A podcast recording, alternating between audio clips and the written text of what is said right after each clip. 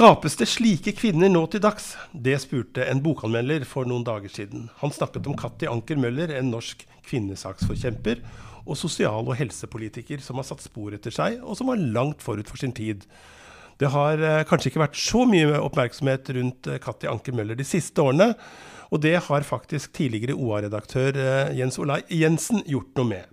I dag er det bokbad i OA-podden, og vi skal høre mer om denne kvinneskikkelsen, Gjøvik-legenden Johan Castbergs nærstående meningsfelle og støttespiller, i, gjennom mange år. Og, eh, og tidligere OA-redaktør altså, eh, Jens Olai Jensen, velkommen til oss, og velkommen tilbake til huset. Ja, Takk for det. Det var hyggelig å være her. Ja. Du, Den ferske boka her, eh, den har du skrevet, eh, skrevet sammen med Elisabeth Lønnå. Hvordan traff dere hverandre, og hvordan kom denne boken om Katti Anker Møller til? Ja, jeg, I boka jeg skrev om Johan Castberg eh, for noen år siden, så, så jeg, kom jeg inn på veldig mye stoff om Katti Anker Møller, som han samarbeidet tett med. Uh, og da fant jeg på ulike sammenhenger da, uh, mye som Elisabeth Lønne har skrevet både i Norsk biografisk leksikon og i kronikker og i andre publikasjoner. Så hendte det at hun for noen år siden, var vel i våren 2018, hun var på Hamar i forbindelse med et møte i IKFF, altså Internasjonal kvinne for fred og frihet. Og Da bodde hun hos oss.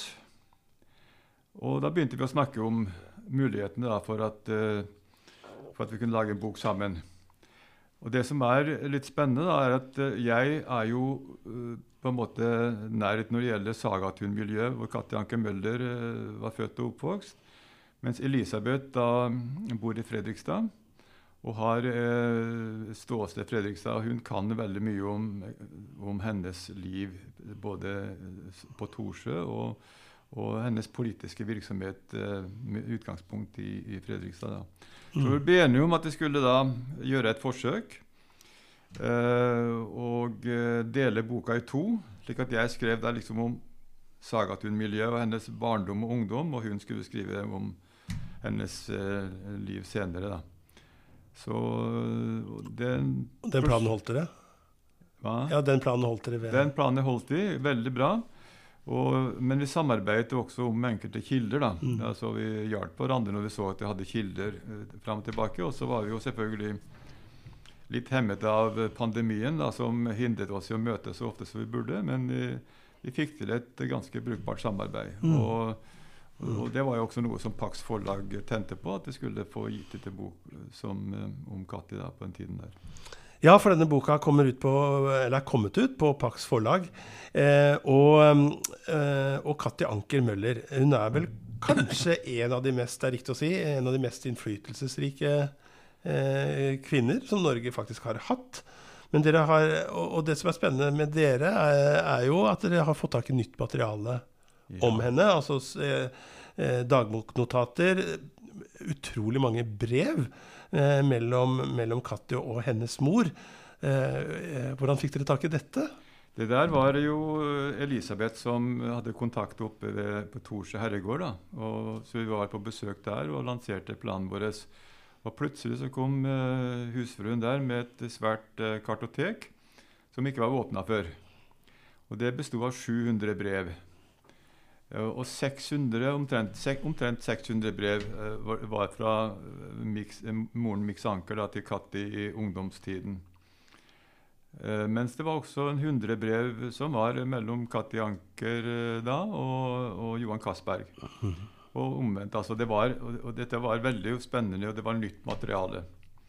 Og det tegner jo et helt annet bilde da, enn det man har fått før om forholdet mellom Johan Castberg og Katti Anker Møller. For uh, de har jo på en måte vært skrevet fra hverandre i historien. Hvor uh, de som har skrevet om Katti Anker Hun har samarbeidet riktignok med sin, med sin svoger, men, og omvendt. Men, men, de har liksom ikke vært skrevet om hvor tett de egentlig var forbundet til hverandre. For det var de. Helt fra, fra ungdommen av. Eh, jeg tenker Katti Anker Mølder utrolig eh, tidlig ute med å snakke om eh, ja, barns rettigheter, kvinnens rettigheter, selvbestemt ab abort. Ja. Eh, eh, ja, her er det jo oppspill til å si at hun er aktuell i dag. Hva gjør, henne, hva gjør henne først og fremst aktuell i dag, sier du som har skrevet bok om henne? Nei, hun er jo aktuell fordi at hun berører jo alt som handler om kvinners rettigheter, kvinners makt over eget liv. Abortsaken er jo én ting, men det handler jo også om så mye annet. da, At det bygger opp eh, alt eh, det sosiale rundt, rundt, kvinner, kvinners rett til arbeid, og, og, og, slik at det ikke er noe forskjellsbehandling. Og du ser I vår tid så, så er det jo så mange kulturer hvor kvinnen er undertrykt fortsatt. I Norge så har vi jo kommet langt, tross alt, men fortsatt så er det jo eh, viktig å tenke på de holdninger som Katti Anker Møller hadde altså på, på, det, på, det, på det kvinnerettslige området. Da. Og ikke minst når det gjaldt eh, svake kvinner, enslige mødre og barns rettigheter. Mm. Det var jo Hun og Johan Castberg var jo virkelig pionerer på det området. Vi skal komme mer tilbake til eh, det. Men, men eh, du snakka litt om Sagatun eh, ved Hamar, som i sin tid var Norges første folkehøyskole. Hva var det i oppveksten og livet som forteller oss at hun skulle bli en så tydelig og markant kvinnesaksforkjemper? Altså, Sagatun var jo Norges første folkehøyskole, men også et veldig kontroversielt mm. skoleprosjekt. Det det var jo sterke konservative krefter som behøvde å kjempe, bekjempe Sagatun. Fordi at det da Det var jo bygget på Grundtvigs eh, tanker ikke sant? om en, om en eh, skole og opplysning for ungdom, slik at de kunne få stemmerett og sånne ting. Og Det var jo basert på tre forhold. Det ene var jo den, at det var en åndskamp mellom grundtvigianerne og de ortodokse kristne. Den utspilte seg på Sagatun. Det var en eh, pedagogisk alternativskole. Stikk i strid med den gamle puggeskolen. Der var det lærdom via foredrag og muntlige fortellinger og dialog som lå til grunn. Og det jo, skapte jo et mistenksomhetens eh, slør over hele Sagatun. Og så var det et politisk eh, verksted for eh, venstreradikale. De strømmet jo til Sagatun. Der var det møter, og der var det diskusjoner og sånne ting. Så var det, uh, så var det altså en dame som uh, lett ble undervurdert. Det er Mix Anker, moren til Katti. Hun var jo datter av uh, danske Fritz Boysen, som var Grundtvigs nærmeste medarbeider i Danmark. Og Hun var en sterk kvinne, opptatt av kvinnesak. Og Hun begynte tidlig i, i sitt liv å, in, å, å, diskutere kvinnespørsmål som prevensjon og andre ting med sine jenter, da, også med Katti. Katti var bare en 13 år. Da de hadde åpenhjertig diskusjon om det. Og Mick Sanker var lei av å være, fungere som en fødemaskin. Hun fødte jo ti barn. Og døde ung. Og døde ung. Døde jo øh, eh, 48 år gammel. Slik at her fikk jo Katte inspirasjon til å, å ta opp øh, kvinne, kvinnespørsmål. Og så kom Johan Castbergen i bildet øh, ganske tidlig. Og han hadde en mor som døde tidlig kun 42 år gammel etter født 13 barn. Mm. Så det hadde jo liksom det samme erfaringsgrunnlaget. da. Men det var spesielt moren som Katti var inspirert av til å ta opp uh, de viktige kvinnepolitiske spørsmålene. Så her var det mange av disse kjente skikkelsene fra datiden, da, som ja. Eh, radikale ja. stemmene som, ja. som, hun vokste opp rundt. Absolutt. Og her var det tanker om stemmerett, kvinnerett, barnerett. Eh, Bjørnstjerne Bjørnson eh, vanket der. Eh, Christian Krogh eh, antagelig. Eh, jeg vet, jeg vet iallfall at hun leste Albertine, ja. eh, boken til Krogh, som jo tar for seg ja. Eh, ja kvinners syn på kvinner. Da. Det, det, var, det, var, jo veldig en interessant periode, vet du, fordi at Mix og Herman Anker da, de var jo veldig tilhengere av Johan Sverdrup mm. og parlamentarismen. Mm. Eh, Johan Castberg han var jo radikal, så han jobbet jo en periode for regjeringa. Eh, men den regjeringa ble jo ikke slik som eh, de unge den gang ønsket. Eh, de begynte å forby bøker. Albertine var egentlig Hans Jæger. Ja, ja, ja. Bøker ble forbudt. Mix hun, eh, og, Johan Castberg gikk i demonstrasjonstog og, organiserte aksjoner mot forbud mot slike bøker.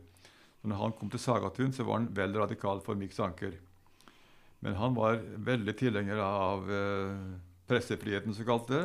At her skal man skrive uh, uansett. Om det er så bare møkk, nærmest, så har han lov, til å gi det ut. Mix Anker syns jo dette svineriet gikk vel for langt, da. Så hun, hun støttet jo Sverdrup, Jakob Sverdrups eh, forbud mot, mot den, disse bøkene. Akkurat. Men det var mye diskusjon i brevene hennes som vi fant, som gikk på dette her med, med ytringsfrihetens vilkår. altså. Og hun skrev jo til framtredende folk. Hun skrev til Ernst Sars, hun skrev til Viggo Ullmann, hun skrev til Bjørnson og få deres mening om hvor langt ytringsfriheten går. da. En ganske interessant uh, utvikling og en diskusjon mellom henne og Johan Castberg spesielt. da.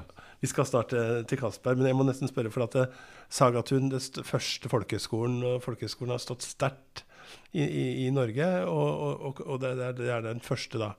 Men hva er forskjellen på det som var på Sagatun, og Kristoffer Brun sin, som jo på mange måter vi fant andre eh, ja, Han kom jo til Innlandet, han også. eller... Ja, ja og, og etablerte tre år seinere en folkehøyskole mm, ja. som jo også var en motsats til det alvorlige krist, mørke kristendomssynet som var oppover i bygdene. Ja. Men, men, de skilte veldig lag, og Bjørnson vanka i begge leirer, men havna vel på, på Ankers side, da. Ja da.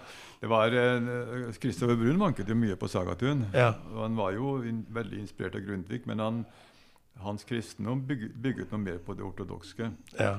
Uh, og Sagatun var altså da et uh, veldig Venstreradikalt reir? Vel, ja, men det var ikke sant, veldig tilhenger av en sånn uh, friere kristendom. Mm. og det, altså det, var jo egentlig synet på helvete som skilte dem vet, fra de andre. For Grundtvig han, han, snakker jo om dødsriket og ikke helvete. mens mens uh, de ortodokse de snakket om at folk kommer til helvete hvis de synder. ikke sant? Så dette helvetesdebatten var jo lys levende på, på Sagatun. Og det var jo grunn til at f.eks. Uh, uh, seminaret som de ortodokse startet på Hamar, altså som nå har blitt lærerskole, den ble startet for å bekjempe Sagatun i, i 1867. da. Så det var ganske det var hardt, altså. Ja.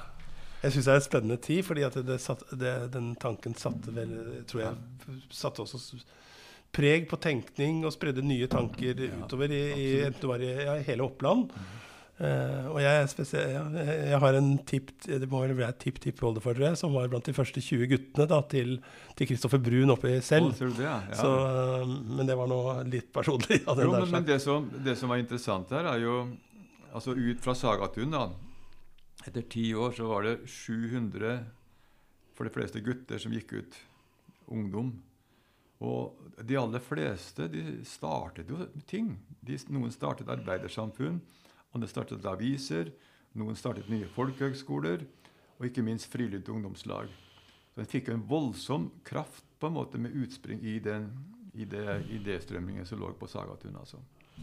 Jeg tror hele den tankegangen slo voldsomt røtter utover i ja, som da, med Ivar Blekkastad, som var en kar som også gikk første året, ja. som starta en egne folkehøyskoler. Ja. Og hvor det fins uh, Bare på mitt, min slekt så, så ble, det jo, ble, det jo, skrevet ting etterpå. Så det er på mange måter de, de tankene spredde seg med en voldsom kraft i generasjoner etterpå. så det var noe spennende. Men et sidespor i forhold til, til Katti Anker Bøller, da. Men hun var jo en nær venn da, av Johan Castberg, som er jo barnelovenes far, og, og, som jo hadde eh, viktige oppgaver å utføre både her i Gjøvik og, og, på Østre mm. Toten. Eh, hva, eh, hva, hvordan var det dette oppsto? Hvor tett var de? Ja, det var veldig tett. Nå var jo Katti en veldig ettertraktet ung kvinne. da. Mm.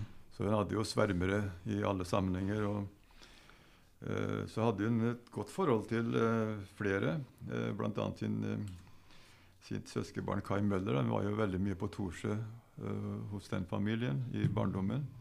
Ja. men hun ble også veldig forelsket i, i, i Johan Castberg og han i henne. Og også Bjørnstjerne Bjørnson prøvde jo å koble Erling Bjørnson på henne. ikke sant? Så Erling Bjørnson drev jo og fridde, vet du. Eh, og han ble jo veldig sur da når hun avslo det, da. Men hun og Johan Castberg de hadde jo tett brevveksling eh, om eh, hvordan eh, Ja, i sitt forhold. Og, og, han var nok den som på en måte i det politiske og idémessige da preget henne mest. Mm. Uh, han prøvde jo også å få henne til Gjøvik. Uh, jeg fant et brev da, hvor han uh, da han nylig blitt leder av Gjøvik Arbeidersamfunn. Så, og Katte var jo gått på folkehøyskole hos Viggo Ullmann, hadde ikke noe jobb da. Og da foreslo han at, han, at Katte kunne komme til Gjøvik og bli fotograf. Oi. Det var ikke så helt uvanlig at kvinner ble fotografer da. Da skulle jeg få henne til å engasjere seg i Gjøvik Arbeidersamfunn. Uh, og hun skulle tilrettelegge for både undervisning og kåserier og foredrag der, og i tillegg være fotograf. Men så var det et problem at Gjøvik hadde en fotograf fra før. Men ifølge brevet fra Castberg så reiste den fotografen bort hver vinter. Så han uh, skulle sørge for at Gjøvik Arbeidersamfunn fatta vedtak da, om at alle i Gjøvik fotograferte seg kun om vinteren. da, da, da Katti var der. Og, og, det skulle han skaffe henne kunder, da.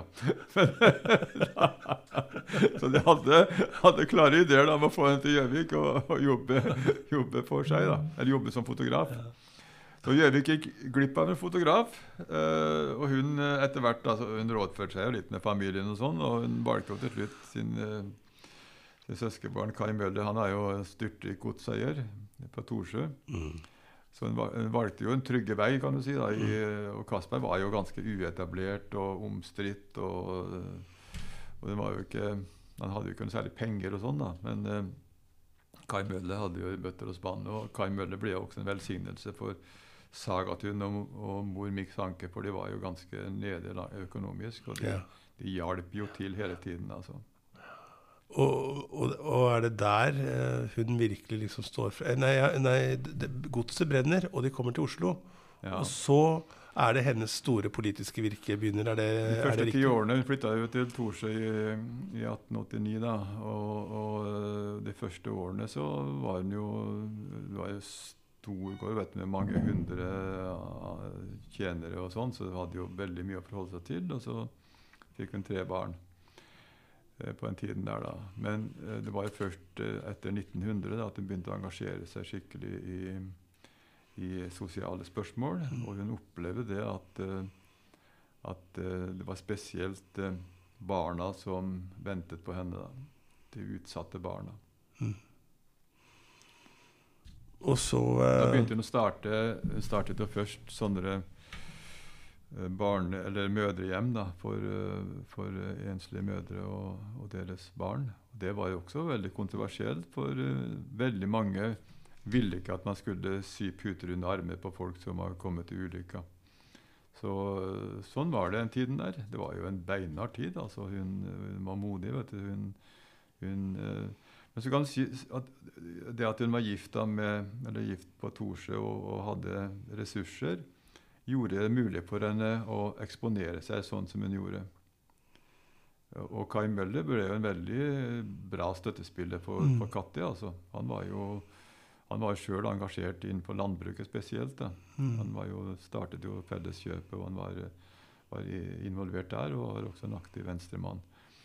Men uh, slik at hun fikk handlingsrom så, uh, hos, uh, i ekteskapet med, med Kai Møller.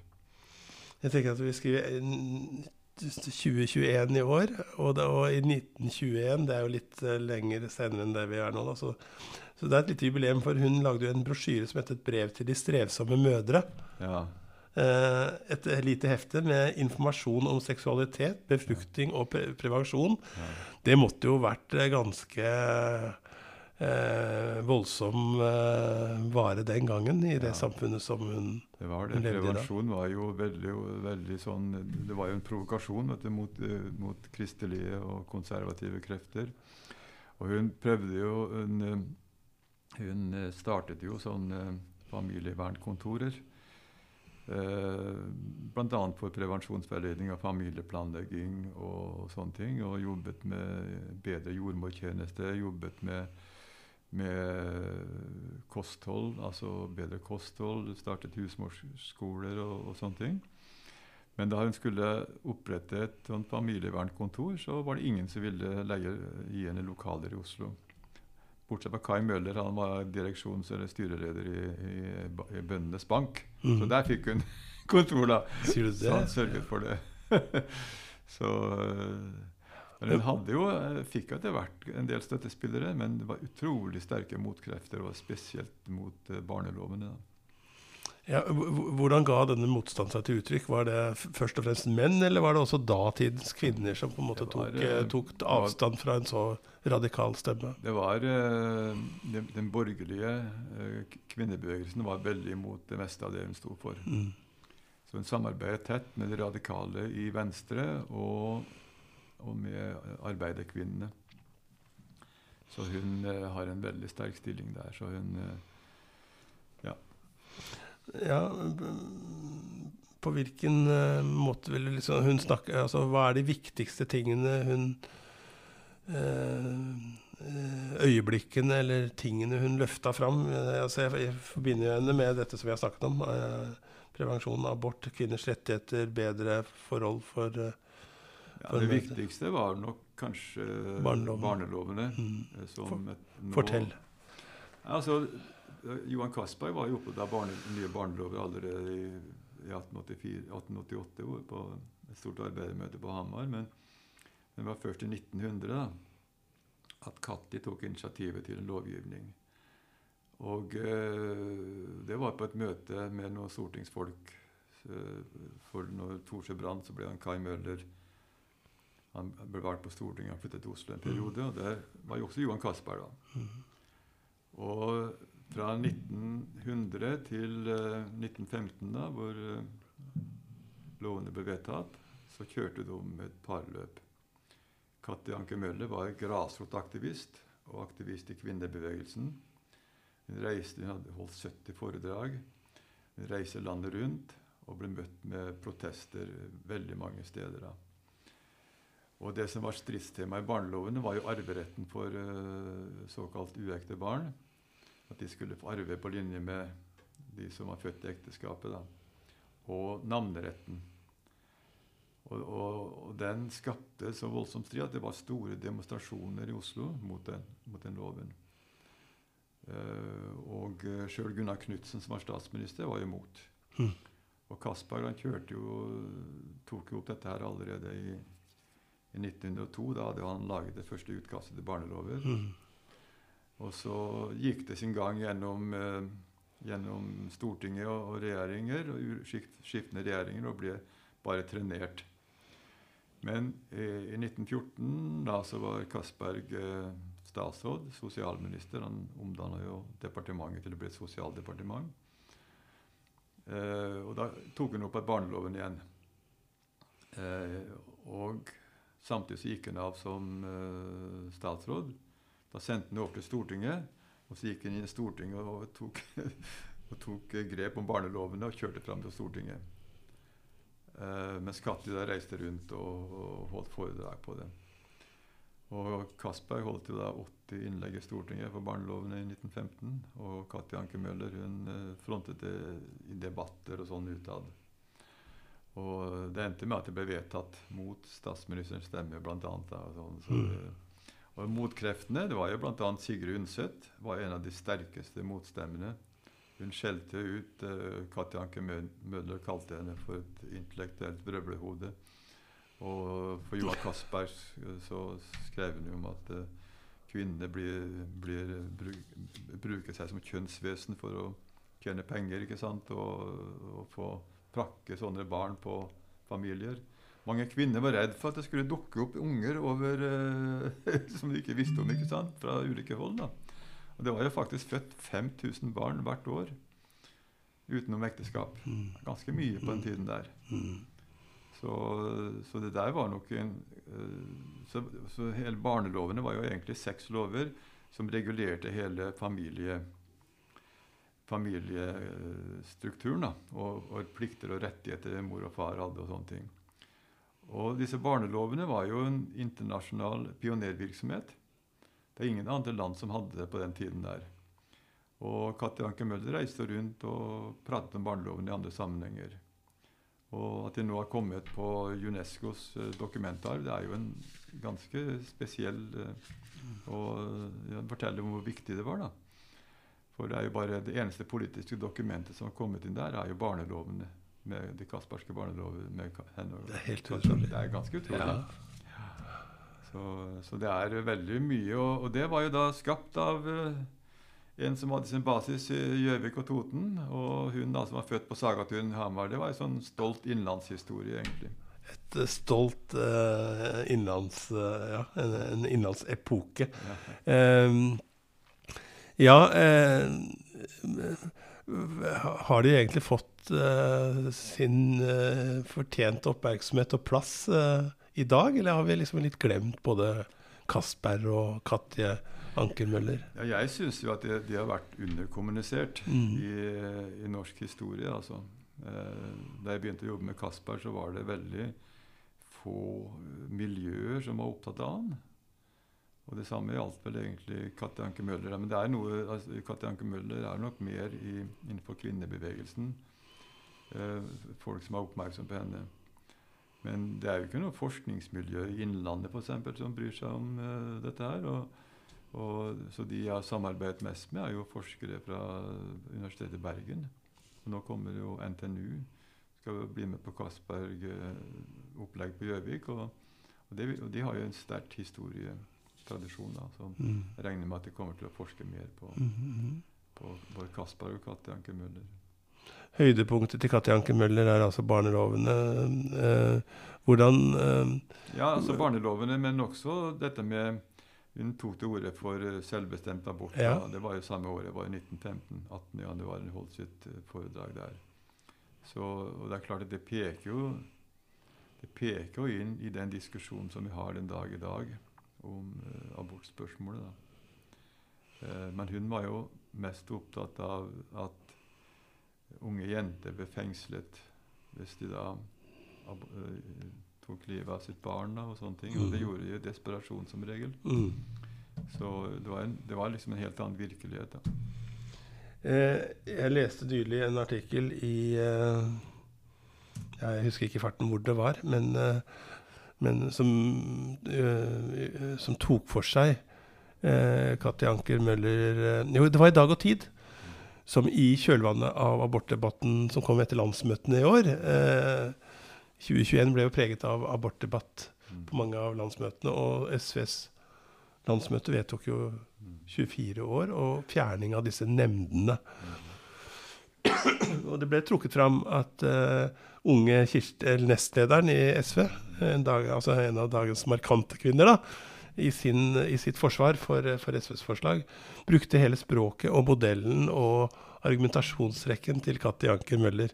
Så det, så det er jo eh, eh, litt eh, spennende, syns jeg. Og så, så, ser jeg at det har vært trukket fram at hun hadde på mange måter en veldig Hun var eh, eh, ganske sånn klar uh, Talen hennes var veldig godt bygd opp. Uh, det var preget både av saklig argumentasjon, mm. men også, eh, også et, et, en, hvor hun levendegjorde og tydeliggjorde på mange måter kvinners Beskrev kvinners daglige problem. Jeg vet ikke om, om det var jo, Hele hennes framtoning var jo preget av saklighet. Hun leste fra manus, hun var veldig godt forberedt.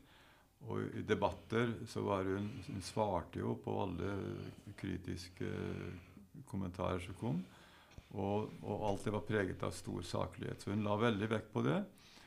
Og jeg tror kanskje det var noe av det som førte til at hun nådde fram på så mange felter også. altså. Hvordan var de eldre dagene hennes? Altså Hun dør i 45, er det riktig? Dør i 45, ja. ja. Og så er ja, krigen nei, hun, slutt. Eh, hun var jo, var jo mest aktiv fram til 1930 eh, eller noe sånt. da. Mm. Eller så levde hun livet på Torsø sammen med sin mann. og Hun var jo aktiv i debatter og sånn, men altså det hele prosjektet hennes det start, stoppet jo Eller hun sluttet jo mye å engasjere seg. Men Men disse her mødrekontorene da, som vi bygget opp, Mm. de varte jo fram til krigen. Det var jo nazistene som la ned.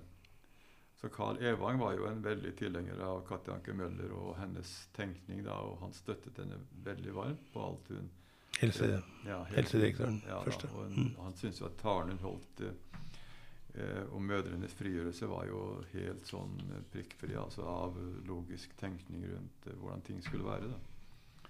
Så eh, hun var sterk i argumentasjon, altså. Men hun jobbet mye med det, og hun var ganske nervøs av og til når hun skulle stå fram.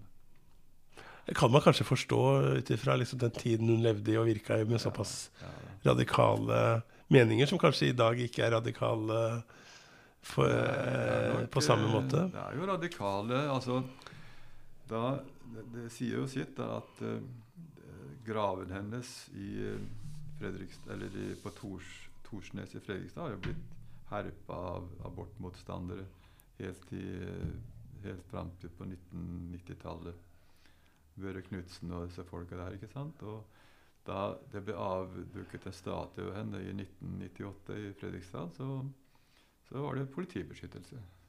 Så hun er kont fremdeles kontroversiell, altså. så, Nå har, eh, nå har dere skrevet bok om henne eh, til eh, ganske flotte anmeldelser, må det være lov å si. ja. Eh, sterke anmeldelser i Klassekampen, i Morgenbladet. Jeg så, den siste jeg så, var Vårt Land, som skrev et innsiktsfullt bilde av en tidsepoke og et fint portrett. Eh, en vakker bok er også et, et, et, ting jeg har sett. Eh, eh, du beskrev litt hvordan prosessen var, men det, det er jo hyggelig. Hvor, hvor lenge drev dere på? Vi kom i gang eh, vinteren eh, 2019, da. Vi hadde jo Vi begynte å tenke på det i 2018, men uh, vi hadde jo hvert vårt bokprosjekt gående. da. Jeg skrev jo om fagskolen på Gjøvik og litt sånn. Ja. Uh, så vi startet vel uh, vinteren 2019, og så har vi arbeidet oss fram etter det. Og så har jeg jo oppdaget ja, flere Å lese så mange brev i seg sjøl var ganske tidkrevende. ja.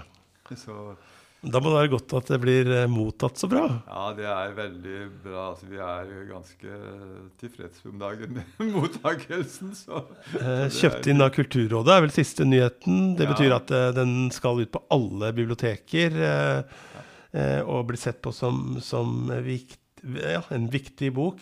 Hva, hva er det aller, aller viktigste den forteller? Eh, sagt fra forfatterens munn. Ja, det, er, eh, det, er, det er to ting som er, som er viktig. Det er flere ting som er viktige, men jeg, sy syns det er viktig å få fram eh, hennes barndom og oppvekst på Sagatun. Hva den betydde for henne og for, for eh, norsk, norsk politikk og norsk samfunn. Mm. For det har veldig få vært oppmerksom på. Og det er jo det nye det, mest, det nye her om Katti Anker Møller er jo hennes barndom og oppvekst. Det har ikke vært skrevet om før. Og så er det selvfølgelig det som handler om å få en, en, en eh, fokus på de store sakene som hun eh, kjempet fram, og som, eh, og som har hatt sånn betydning for den norske samfunnsutviklinga. Hun var jo en, en pioner for velferdsstaten. Og så er det artig, syns jeg, å ha fått fram den nære forbindelsen mellom henne og Johan Castberg. Mm. For den har, de har vært på en måte skrevet litt fra hverandre, men samtidig så var de så tett knyttet til hverandre.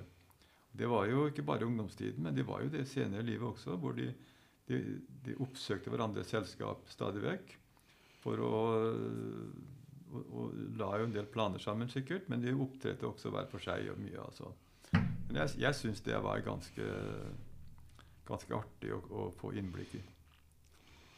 Eh, ved innledningen så, så sa, jeg, jeg hadde, sa jeg at jeg hadde lest uh, en overskrift som, som startet så her. 'Skapes det slike kvinner i dag?'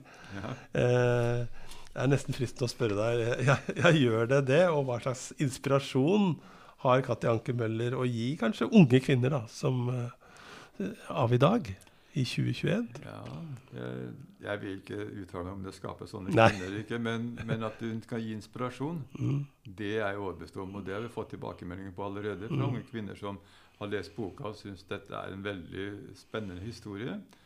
Og, og, noe av det som jeg savner i vår tid, er på en måte det er mer, mer historiefortelling altså fra, i skolen, bl.a. Jeg synes det er hvis ikke de greier å forstå hvordan dette velferdssamfunnet er blitt bygget opp av ildsjeler som har kjempet disse kampene de har gjort, så, så, så, forstår de på en måte ikke hvordan dette samfunnet er. altså. For det er jo så viktig å, å, å, å se hva som har skjedd. Det er lettere å miste? Ja, det er lettere å miste. Det er verdier som vi, vi tror liksom at et velferdssamfunn er på en måte noe medfødt norsk eller mm. nordisk. Men det er jo politikere, det er ildsjeler som har kjempet fram de lovene vi har, og de, sant, det grunnlaget som dette samfunnet er bygget på. Og Katti Anke Møller er jo en av de mest sentrale der. da. Skal Du nå, ja, du er allerede i ferd med kanskje å reise rundt og fortelle om boka, eller hva? Jeg har uh, vært en del rundt, ja. Så, og får noen invitasjoner på her interessen, er, interessen er, har vært uh, bra? Jeg, jeg syns det. Mm. syns det har vært veldig fin interesse for det. Jeg er fristende å spørre deg. Du har uh, skrevet mange bøker uh, etter du gikk av som redaktør uh, her i, i Oppland Arbeiderblad. Hva, hva, er det prosjektet som opptar deg mest akkurat nå? det er nei, kanskje dette? ja, nei, jeg har jo Jeg, jobber jo med og, og disse bøkene da, og med stoff om, om Johan Castberg og Katti Anke Møller og få fram nye ting. Og så er jeg opptatt av at vi skal få til et uh, seminar. årlig seminar på Gjøvik om Johan Castberg. Med hans uh, han, han, hadde en politisk bredde som var ganske enorm. Og uh, sette liksom dagsorden på også aktuelle politiske problemstillinger knyttet opp mot det han sto for. da. Kanskje vi skal avslutte der men bare fortelle litt om hva dette prosjektet er med dette årlige seminaret? Ja, Det vi ønsker å få til, er jo et årlig Castberg-seminar hvor vi bruker grunnlaget i den politikken og de holdninger og verdier han sto for, og løfte de fram inn i vår tid. Skape interesse for det, diskutere med utgangspunkt i, i verdigrunnlaget som, uh, som Kasper sto for. da. Så vi har en programkomité som jobber med det. og så jeg tror at det skal fenge interesse. I går var jeg jo på Gjøvik pensjonistuniversitet. Det er ikke i går, men dagen før kjempeinteresse for Castberg og de kasperske barnelovene f.eks. Men Castberg sto for mye mer, bl.a. konsesjonslovene, som har vært viktige for vår tid, og som også er grunnlaget for det som, som ligger til oljelovgivning og fordeling av ressurser og fellesskapets ressurser og alt dette her som han sto for. Og Det gleder jeg meg for, og det skal bidra til at uh, iallfall jeg, jeg, jeg kan da, til at det skal bli vellykket. Og at Gjøvik på en måte løfter fram Castberg det syns jeg er veldig bra. Da sier jeg takk til deg, Jens Olai Jensen, fordi du kom hit til OA-podden i dag. Eh, til det bokbadet vårt, eh, for å fortelle om den nye boka som du har gitt opp. Takk til deg som hørte på. Og flere podkaster fra OA det hører du selvsagt via det nettstedet eller den appen du bruker for å laste dem ned. Og så er vi tilbake som vanlig med de ukentlige aktualitets... Eh, poddene våre hver eneste fredag. Ja.